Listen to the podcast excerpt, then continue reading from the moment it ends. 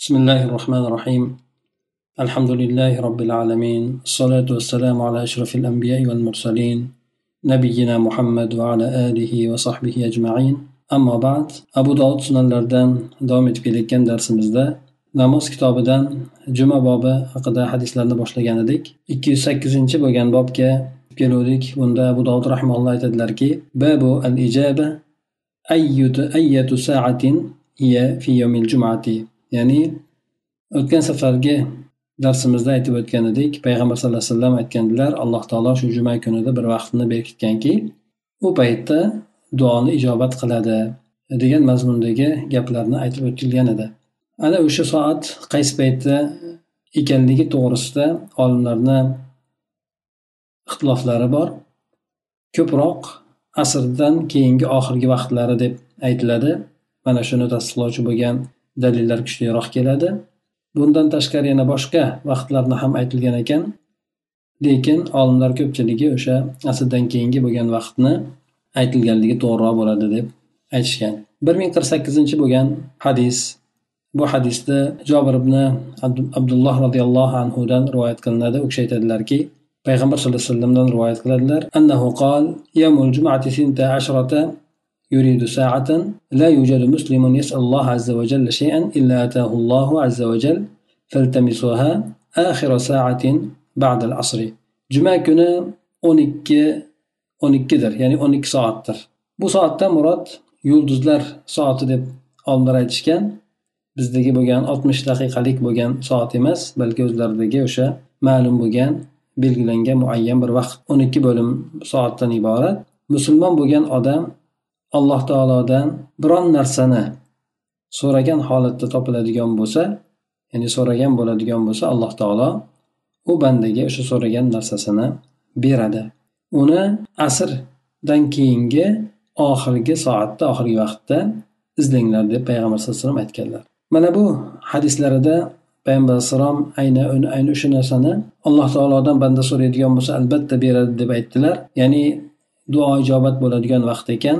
bir ming qirq to'qqizinchi bo'lgan hadisda bu hadisni abdulloh ibn umar roziyallohu anhudan rivoyat qilinadi bu kishidan abi burda ibn abi muso ashari roziyallohu anhu ya'ni abu muso ashari roziyallohu anhuni farzandlari abi burda so'ragan aytgan ekanlarki abdulloh ibn umar menga aytdilar أسمعت أباك يحدث عن رسول الله صلى الله عليه وسلم في شأن الجمعة يعني الساعة قال قلت نعم سمعته يقول سمعت رسول الله صلى الله عليه وسلم يقول هي ما بين أن يجلس الإمام إلى أن تقضى الصلاة قال أبو داود يعني على المنبر عبد الله بن عمر من قايت قالدلر deb aytadi siz otangizdan rasululloh sollallohu alayhi vasallam haqida juma borasida biron narsa hadis aytayotganligini eshitganmisiz ya'ni payg'ambar sallallohu alayhi vasallamdan jumadagi ya'ni jumadagi duo ijobat qilinadigan vaqt haqida bironta bir hadisni aytayotganligini eshitganmisiz deganda u kishi aytdilarki men ha dedim. Men otamni shunday deb aytayotganligini eshitganman.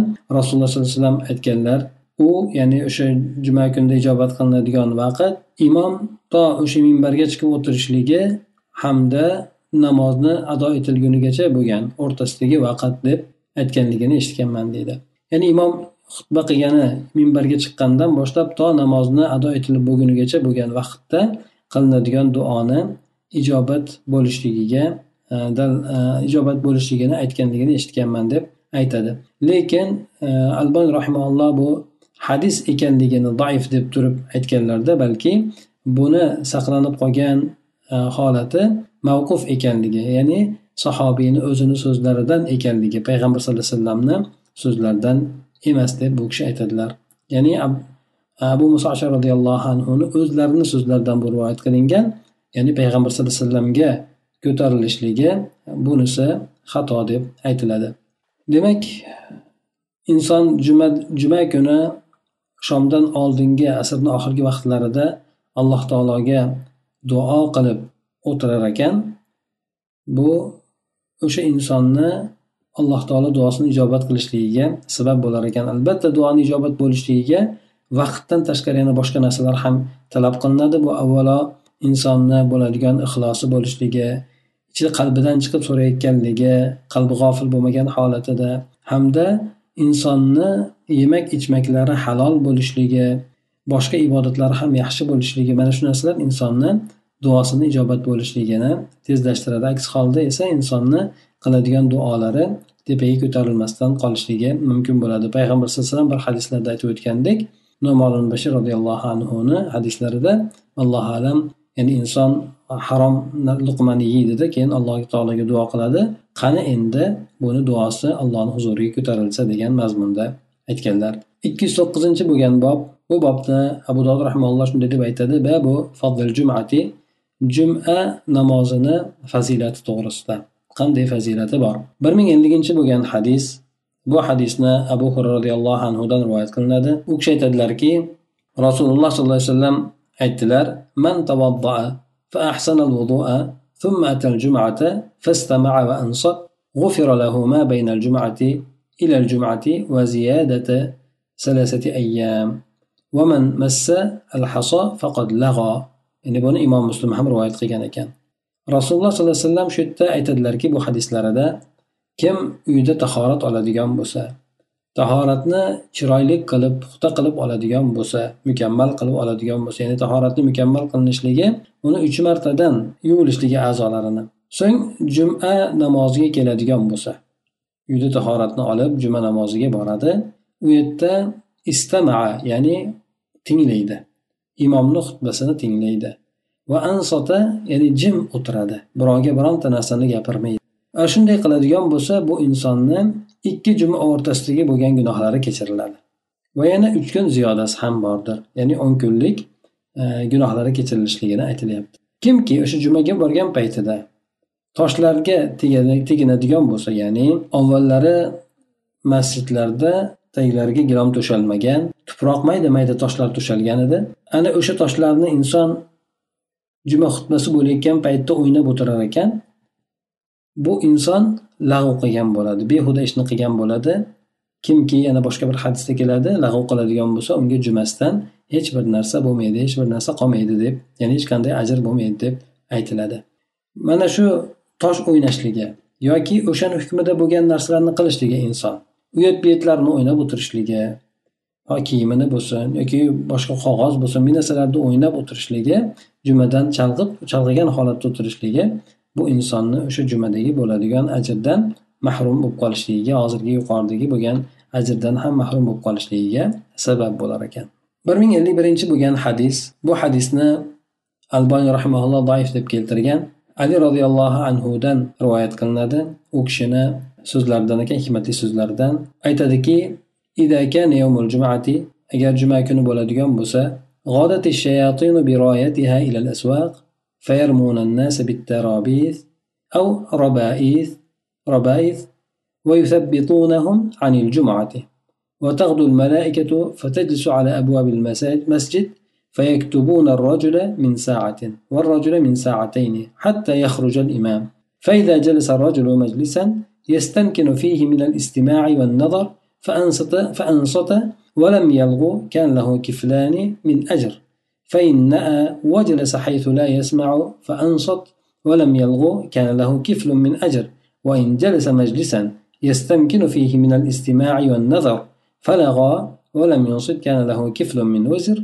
ومن قال يوم الجمعة لصاحبه صح أم صح فقد لغى ومن لغى فليس له في جمعته تلك شيء. ثم يقول في آخر ذلك سمعت رسول الله صلى الله عليه وسلم يقول ذلك قال أبو داود رواه الوليد بن مسلم عن, جاب عن ابن جابر قال بالربائث وقال مولى امرأته أم عثمان بن عطاء bu hadisda ali roziyallohu anhu aytadilarki u kishi kufada xalifa bo'lib turgan paytlarida minbarda ustida aytgan ekanlar agar juma kuni bo'ladigan bo'lsa shaytonlar bozor bozorlarga bayroqlarni ko'tarib borishadi shaytonlar bayroqlarni ko'tarib borishligi mana bilasizlar bayroq ko'targanda orqasidan uni quvvat qo'llab quvvatlab bir qanchasi ergashadi hamda uni yonida yelkama yelka turib turib beradi. Xuddi shunga o'xshab shaytonlar ham bir narsani maqsad qiladida ya'ni odamlarni ibodatdan chalg'itishlik bo'lib ham farz ibodatdan chalg'itishlik uchun bayroq ko'taradida o'sha bayroqni ostida bir qancha shaytonlar odamlarni adashtirishlikka harakat qilib bozorlarga boradi. Ya'ni bozorlar odamlar gavjum bo'ladigan ish bilan band bo'ladigan joylar hisoblanadi. Ana ularga keyin odamlarga bular e'tiborsiz bo'lgan narsalar shunday bo'lgan narsalarni ularga tashlaydilar ko'ngillariga tashlaydilar.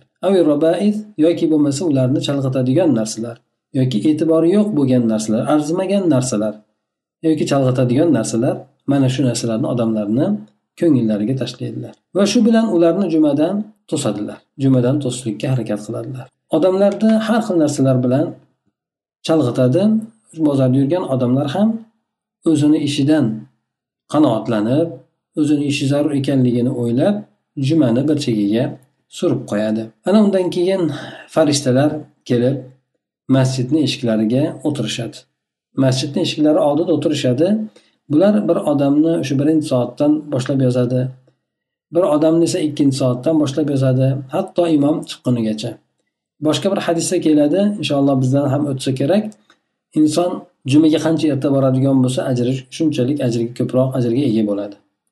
Birinchi soatda boradigan odam tuya keyin mol keyin qo'y keyin tovuq tuxum ana shunday bo'ladigan insonga xuddi go'yoki ana shu narsani ehson qilgan odamni ajridaqa ajr oladi deb keladi.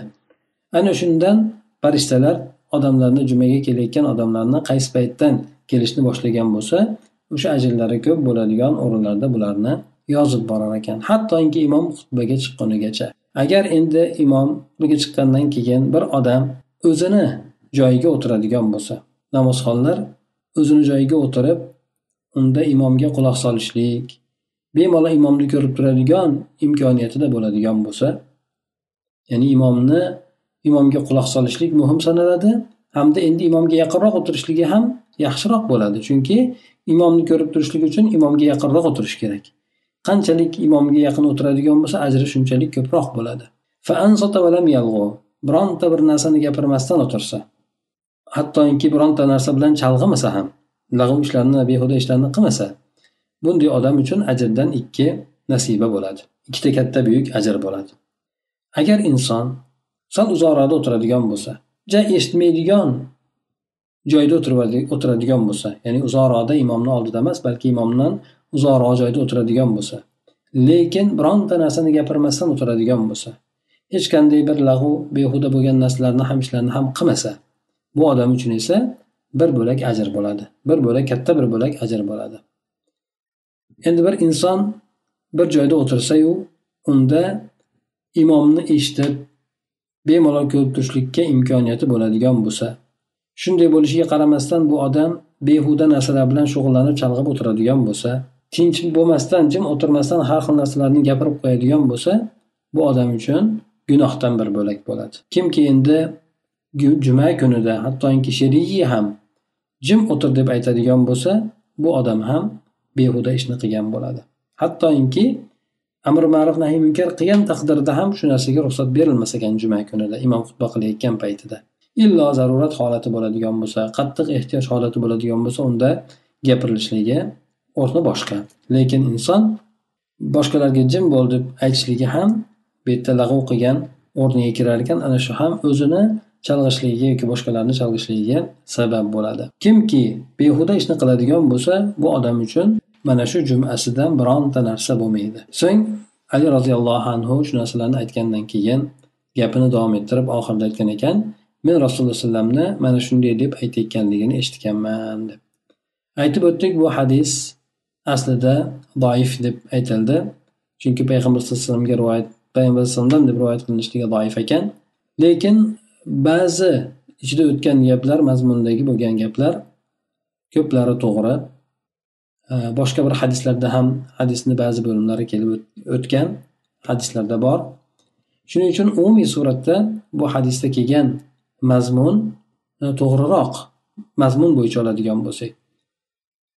Shuning uchun inson e'tibor berish kerak shaytonlar doim insonni jumadan to'sishlikka harakat qiladi. Jumaga kelgan paytida ham insonlar hayollari bo'linib har xil narsalar bilan chalg'ib jumaga xutbasiga tinglamasdan o'tiradi. Endi inson agarchi mana bu yerda aytib o'tildi uzoqroqda o'tiradigan bo'lsayu ko'rishlik eshitishlik imkoniyati bo'lmaydigan bo'lsa bu odam jim o'tiradigan bo'lsa ajr bo'ladi dedi. Mana shu narsadan biz xulosa qilib olsak ham bo'ladiki agarchi inson jumada qilinayotgan xutbani tushunmaydigan bo'lsa ham inson jim o'tirib o'sha yerda juma xutbasida hozir bo'lganligini e'tibor qilgan holatda ehtirom bilan o'tiradigan bo'lsa albatta inson o'sha jumani xutbasi vaqtda o'tirganligi uchun ham ajr olar ekan. Ikki yuz o'ninchi bo'lgan bob esa babu tashdid fi tarkil jumati. Jumani tark qilishlikdagi judayam qattiq kelgan vaid.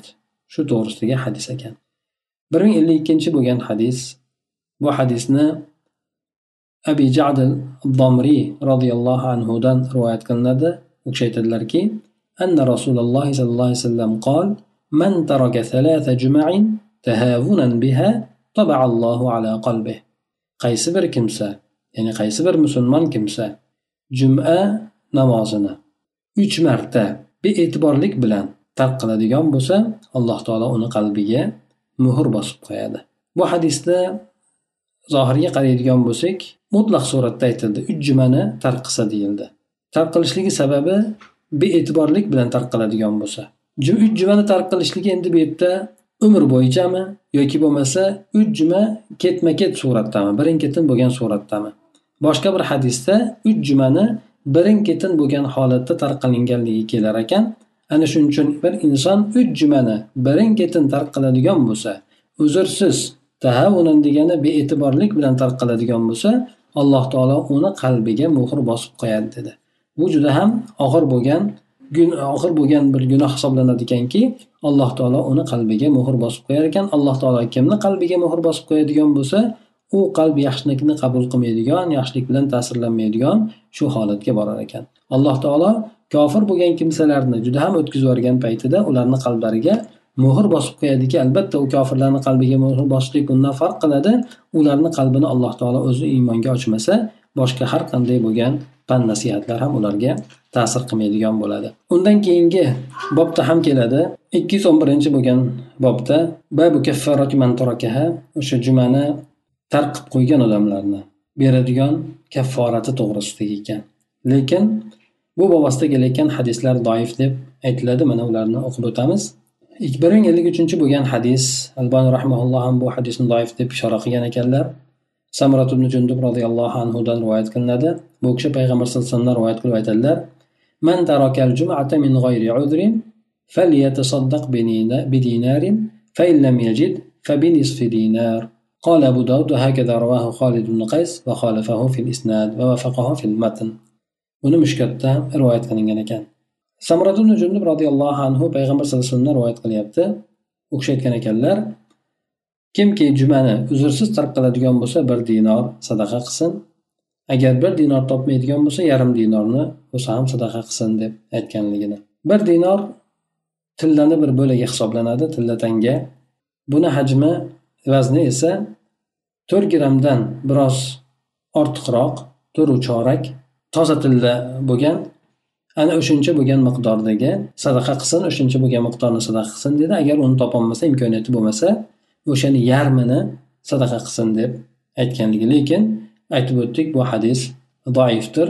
Demak yuqoridagi bo'lgan vaid o'z holatida qoladi chunki yuqoridagi bo'lgan vaidni rivoyati sahih deb aytilgan. Ya'ni inson uch marta jumani tark qiladigan bo'lsa qattiq alloh taologa tavba qilish kerak. Aslida o'zi jumani tark qilmaslikka harakat qilishlik kerak. Beuzr mabodo insonda uzr bo'ladigan bo'lsa uni holati boshqa lekin imkoniyati bo'la turib turib jumaga bee'tiborlik qilib tark qiladigan bo'lsa bo'lib ham ketma ket uch marta tark qiladigan bo'lsa alloh taolo bunday bo'lgan odamni qalbini muhrlab qo'yishligini aytildi. Ya'ni yaxshilik kirmaydigan qilib ancha muncha pand nasihat bilan ham ta'sirlanmaydigan qilib alloh taolo uni qalbiga qulf solib qo'yishligini aytildi. Bir ming ellik to'rtinchi bo'lgan hadis bu hadisni ham aytib o'tganimizdek doif deb ishora qilingan qudomat ibn vabi roziyallohu anhudan rivoyat qilinadi. U kishi aytadilarki rasululloh sollallohu alayhi vasallam aytdilar man fatahul jumuatu min g'ayri udrin falyatasaddaq bidirhamin aw nisfi dirham aw sa'i hintatin أو نصف صاع قال أبو داود رواه سعيد بن بشير أن قتاد هكذا إلا أنه قال مدا أو نصف مد وقال عن سمرة رسول الله صلى الله عليه وسلم mana bu hadisdagi bo'lgan so'zlarni keltirilyapti qaysi bir kimsadan juma uzrsiz bo'lgan holatda o'tib ketib qoladigan bo'lsa ya'ni qaysi bir kimsa jumaga uzrsiz bormaydigan bo'lsa bu banda bir dirhamni sadaqa qilsin. Ya'ni yuqorida uch juma deb aytildi. Birinchi bo'lgan sahih bo'lgan hadisimizda endi bularda esa umumiy suratda jumani aytilyapti. Ya'ni sanog'ini aytilmayapti. Bir dirham sadaqa qilsin dedi. Bir dirham kumush tanga hisoblanadi. Bu kumush tanga bir avvallari bir dinor o'n o'n bir atrofidagi kumush tangaga to'g'ri kelgan. Lekin bu zamonlarda har xil paytlarda farq qiladi. Hozir desa ancha bir biridan orasidagi bo'lgan farqi judayam katta. Bir dirhamni sadaqa qilsin yoki bo'lmasa yarim dirhamni yarimta kumush dirham kumushlangani sadaqa qilsin dedi. Yoki bo'lmasa bir so bir so to'rmud degani bu to'rmud taxminan uch kilo atrofida ikki yarim kilo uch kilo atrofida undan sadaqa qilsin dedi. Yoki bo'lmasa o'shani yarmini sadaqa qilsin dedi. Boshqa bir rivoyatda esa bir mud bir mud degani bir katta bir hovuchda yoki yarim hovuch o'sha undan sadaqa qilsin deb aytilganligi keldi. Bu hadisni e, doifligi aytib o'tildi. Demak zaif bo'lgandan keyin bundan hech qanday bir hukm olinmaydi. Yuqoridagi bo'lgan sahiy bo'lgan hadis o'zini quvvatida qoladi. Ya'ni qaysi bir kimsa uch jumani bee'tiborlik bilan tark qiladigan bo'lsa ya'ni ehtiyot bo'lish kerak ekanki alloh taolo uni qalbiga muhr urib qo'yishligi hech gap emas ekan ikki yuz o'n ikkinchi bo'lgan bobda abu dovud rahmalloh aytadilarki juma qaysi bir odamlarga vojib bo'ladi kimlarga juma o'qishlik vojib bo'ladi bir ming ellik beshinchi bo'lgan hadisda bu hadisni oysha onamizdan rivoyat qilinadi u kishi aytadilarki كان الناس ينتابون الجمعة من منازلهم ومن العوالي bu hadisni imom buxoriy va imom muslim ham rivoyat qilgan ekan. Odamlar jumaga tashqaridagi bo'lgan joylardan shahar tashqarilaridagi uylardan hamda avoliy mahallasidan kelishar edi deydi. Yantabuna degani qatnashar edi degani. Jumaga kelib qatnashardi ya'ni o'sha yerdan qatnaydi degani ya'ni borib kelishardi jumaga. O'zlarini madinani tashqarisidagi bo'lgan uylaridan hamda avoliy mahallasidan avoliy madinani tashqarisidagi bo'lgan joylar juma demak shaharga va shahar atrofidagi bo'lgan joylarga vojib bo'lar ekan. Garchi bu yerda juma kunida ma'lumki ozonni eshitishlik eshitmaslikni buni unchalik ahamiyati yo'q chunki juma kunida shahar atrofidagi bo'lganlar shahar ichidagi bo'lgan ozonni ko'pincha eshitmaydi. Lekin o'shanday bo'lsada juma vaqti hamma narsasi tayin bo'lganligi uchun tashqaridagi bo'lgan odamlarni ham kelishligi aytiladi.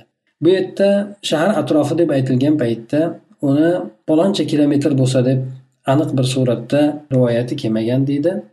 Lekin shahar shaharga tobe bo'lgan shahar atrofidagi kelib ketishlik insonga og'ir bir mashaqqat talab qilmaydigan yoki bir qiyinchilik talab qilmaydigan joy bo'ladigan bo'lsa ana o'shanday bo'lgan joylardan masjidga kelib jumani o'qib ketishligi bo'laverar ekan. Masalan besh o'n kilometr tashqaridan kelishligi insonga unchalik bir mashaqqatni keltirmaydi. Endi o'ttiz qirq kilometr bo'ladigan bo'lsa albatta kelib ketishlik biroz insonga mashaqqat bo'lishligi mumkin. Shundan juma ular uchun e, farz bo'lmaydi bu masjidga kelishligi. O'zlarida agar imkoniyat topadigan bo'lsa o'zlarida qilishligi kerak bo'ladi. Bir ming ellik oltinchi bo'lgan hadis bu hadisni ham doif deb aytilgan ekan lekin to'g'risi buni o'sha sahobiyga borib taqalganligi. Buni abdulloh ibn amir ibn os roziyallohu anhu anhudan rivoyat qilinadi. U kishi payg'ambar alayhi rivoyat qiladilar aytdilarki al jumatu ala kulli man sami'a nida ya'ni juma namozi nidoni eshitadigan hamma odamgadir hamma odamga farzdir degan ekan. Jumani eshitadigan hamma odamga farz ya'ni juma ozonini eshitadigan odamlarga farz. Aytib o'tdik bu hadis sifatida zaif ekan lekin bu sahobiyni gapi deb to'g'ri gapi deb e'tibor qilinar ekan. Ana o'shandan demak e, bu asosan juma emas jamoat uchun aytilgan jamoat ya'ni ozonni eshitadigan odamlarga lozim bo'ladi. Deb lekin juma namozi ozonni eshitadigan emas balki ozonni eshitishdan tashqarida bo'lgan odamlarga ham kelib ketishligi mashaqqat bo'lmaydigan odamlarga tashqaridan bo'lsin bularga lozim vojib bo'lar ekan.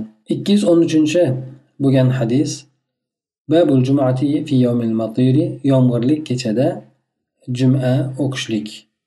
juma aslida jamoat bo'lib o'qishlik yoki jamoat namozini o'qishlik shu bilan birgalikda juma namozini ham ehtimol o'shani ostiga kirar bir ming ellik yettinchi bo'lgan hadis bu hadisni abi malih otasidan rivoyat qiladi aytadiki فأمر النبي صلى الله عليه وسلم مناديه إن أن الصلاة في الرحال hunayn jangi paytida yomg'ir yog'ib qoldi shunda payg'ambar sallallohu alayhi vasallam o'zini jarchisiga buyurdiki nido qilishligini namozni o'sha yotog'inglarda o'qinglar deb. Ya'ni yomg'irli bo'lgan kunda namozni yotog'inglarda o'qinglar deb aytildi. Bu yerda bu hadisni allohu alam jumaga aloqasi yo'q chunki hunayn bu safar payti bo'lgan payg'ambar alayhissalom u kishi bilan birga bo'lgan odamlarda safarda bo'lishgan. Musofir bo'lgan odamga juma lozim bo'lmaydi. Toinki ular safar yo'lda bo'lishgan. Hattoki juma o'qilishligi uchun inson bir joyda muqim bo'lishi kerak yoki o'sha muqim odamlarga ergashib o'qishlik kerak. Inson bir joyda vaqtincha bir joyda turib ketadigan bo'lsa yoki bo'lmasa bir e, sahrolar bo'lsa yoki bir dala yaylovlar bo'ladigan bo'lsa o'sha joylarga bir odamlar yozda borib qishda qaytib kelishadigan bo'lsa ular uchun juma vojib farz bo'lmaydi. Balki o'sha turgan joyida muqim turadigan odamlar bo'lsa hamda bir qishloq bo'lsin yoki shahar bo'lsin o'sha joyda odamlar ko'proq bo'ladigan bo'lsa ularga lozim bo'ladi. Endi bu yerda safarda bo'lganligi uchun albatta safardagi bo'lgan odamlarga aslida juma lozim bo'lmaydi. Ana o'shandan olimlar aytadiki bu hadisdagi bob nimani ostiga ostiga kelgan bo'lgan hadis bilan juda mos tushmaydi lekin bularni jamlab turuvchi bitta illat bor bu ham bo'ladigan bo'lsa agar inson o'qiydigan jamoat yoki juma namozida mashaqqat bo'ladigan bo'lsa bu narsa yengillashtirishligi mana shunga dalil bor deb aytishadi. Jamoat namozi yomg'ir bo'lgandan keyin insonlarda o'sha yomg'irda ozroq mashaqqat topadigan bo'lganligi uchun bu yerda uylarlarda o'qinglar deb aytildi. Bu bo'lgan ruxsat jamoat namozi bo'lsin yoki shaharda bo'ladigan bo'lsa ham juma namozi bo'lsin. Bu narsalarni soqit bo'lishligiga ya'ni uyda o'qishligiga insonni sabab bo'ladi deb aytishadi.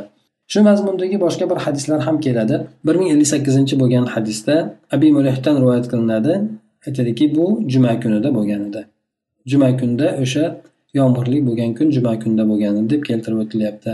Aytib o'tdik juma kunda o'zi asli musofirlarga juma o'qishlik lozim emas bunda jamoat bo'lib o'qishlik deb aytiladigan bo'lsa ko'proq to'g'ri bo'ladi deb aytishadi.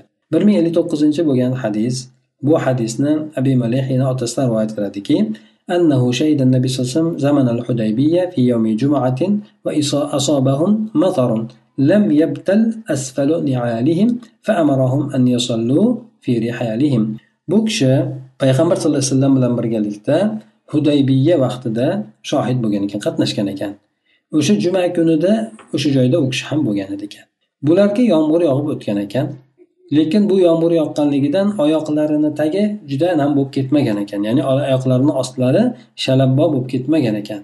Shunda ham payg'ambar sallallohu alayhi vasallam yotog'inglarda o'qinglar deb turib ularga buyurgan ekan. Demak inson mashaqqat topadigan bo'lsa bu yomg'irda bo'lsin mana quyidagi bo'lgan boblarda keladi sovuqdan bo'lsin yoki bo'lmasa boshqa bir tabiatda sodir bo'ladigan holatlardan inson mashaqqat topadigan bo'lsa ana o'sha narsalar insonni juma namozini tark qilishlikka yoki bo'lmasa jamoat namozini tark qilishligiga sabab bo'lar ekan. Inson uyda o'qib qo'yishligi mumkin bo'lar ekan.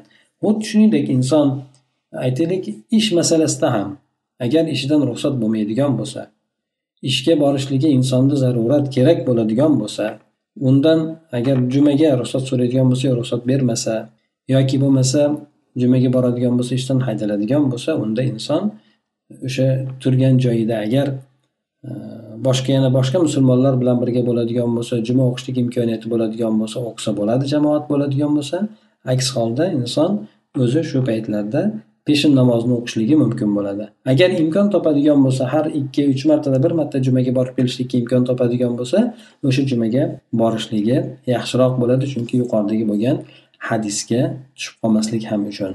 ikki yuz o'n to'rtinchi bo'lgan bob bunda keltirib o'tadi anil jamoati fil laylatil baridati laylatil mumtira ya'ni sovuq bo'lgan kechada yoki bo'lmasa yomg'irli bo'lgan kechada jamoatni yengillatishlik to'g'risida jamoatga ishtirok etmasdan ya'ni jamoatga bormasdan qo'yishlik to'g'risidagi hadislar to'plami ekan. bir ming oltmishinchi bo'lgan hadis bu hadisni nofiydan keltiradiki bu nofiy tobiiylardan ibn umarni shogirdlari anna ibn umar nazala bidonja bidojnan في ليلة باردة فأمر المنادي فنادى أن الصلاة في الرحال ibn umar roziyallohu anhu sovuq kechada zajnon degan joyga tushdi zajnon bu makkadan makkaga yaqinroq bo'lgan joydagi bir tog' ekan tog'lik ekan ana o'sha joyga tushdilarda keyin o'zini jarchisiga nido qildilar buyurdilarki u jarchi namozni shu yotoqda o'qinglar deb turib e'lon qildi ya'ni ozon aytgan paytida ozondan keyin namozni yotog'inglarda o'qinglar deb turib nido qilib qo'ydi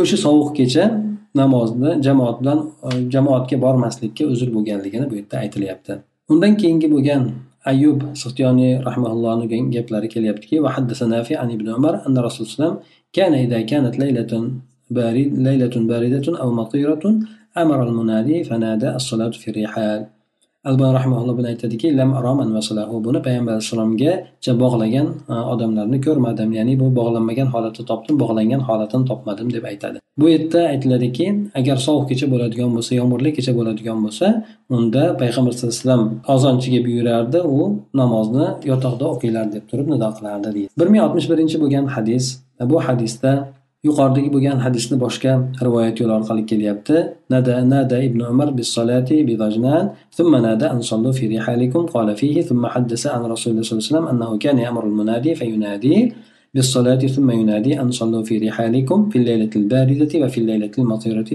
في السفر ibn umar roziyallohu anhu dojnan degan joyda namozga nido qildilar chaqirdilar so'ng yotog'inglarda o'qinglar deb turib qo'shibni nizoga qo'shib qo'ydilar. Ana shundan keyin payg'ambar sallallohu alayhi vasallam hadisda ham aytib berdilarki payg'ambar sallallohu alayhi vasallam ozonchiga yoki nidochiga jarchiga jar namozga jar solishligini buyurardi nido qilib ozon aytishligini buyurardi. Keyin esa shu yotog'inglarda o'qinglar deb nido qilishlikni ham buyurar edi sovuqli bo'lgan kechalarda yomg'irli bo'lgan kechalarda o'sha safarda shunday bo'lib qoladigan bo'lsa o'sha joylarda o'qinglar deb turib aytiladi safarda bo'lganligi ko'proq ahamiyatli bo'lganligi inson safarda ko'proq oshcha kiyimi bo'lmaydi. Safarda qiyinchilik ko'proq bo'ladi.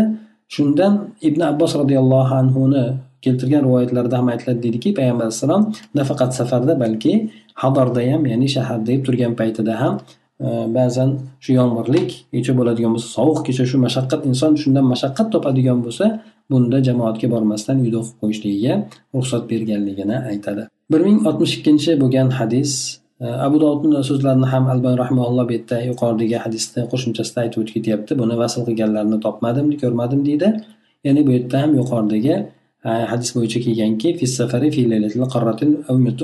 qarra degani bu sovuq kecha degani. Yomg'irli bo'lgan kechalarda safarda men bo'lsam o'shandaydi deb nido qilardi deydi. Bir ming oltmish ikkinchi bo'lgan hadisda bu hadisni ibn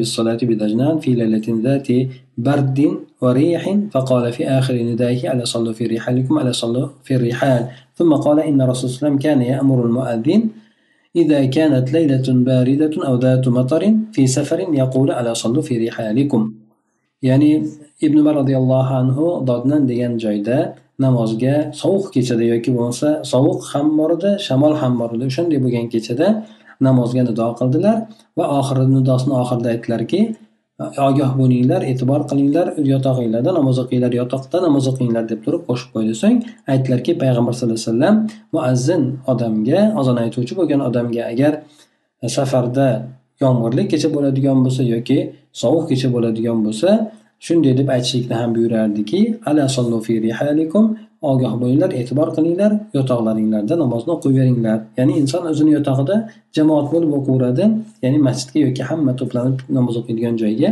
kelmasdan o'zlarini joylarida o'xshayveradi bir ming oltmish uchinchi bo'lgan hadis bu hadisda ham ayni mana shu rivoyatni boshqa yo'l orqali kelyapti. Bunda ham aytilgan thumma qala inna rasululloh kanat laylatun baridatun matarin yaqul buni imom buxoriy va imom muslim ham rivoyat qilgan ekan. Yuqoridagi mazmunda aynan o'zi bu yerda payg'ambar sallallohu alayhi vasallamni so'zini ham keltirib o'tyapti.